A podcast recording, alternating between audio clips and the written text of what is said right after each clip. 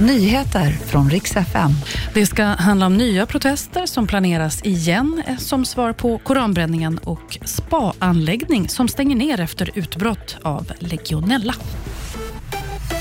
Vi ska börja med fallet i Vetlanda med Tove som mördades i höstas. Nu har det nämligen kommit nya uppgifter om de två kvinnor som varit häktade sedan länge.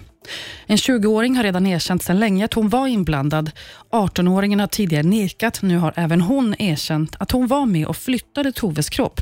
Däremot säger hon att hon kände sig tvungen att medverka.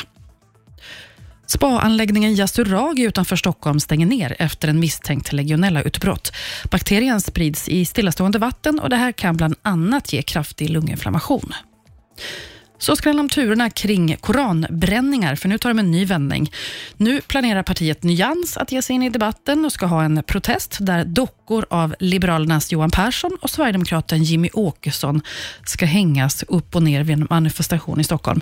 Ja, vi lär inte ha sett slutet på den här historien än. Så skrallar han Melodifestivalen. Imorgon är det dags för första deltävlingen. Årets programledare är två skåningar, Farah Abadi som var med förra året och Jesper Röndahl. Och det är ett brett startfält, bland annat Tone Sekelius som inleder med lite latinoinspirerad dans. Jon Henrik Fjällgren bjuder på jojk. Det blir epadunk bland mycket annat. Starten den är i Göteborg imorgon.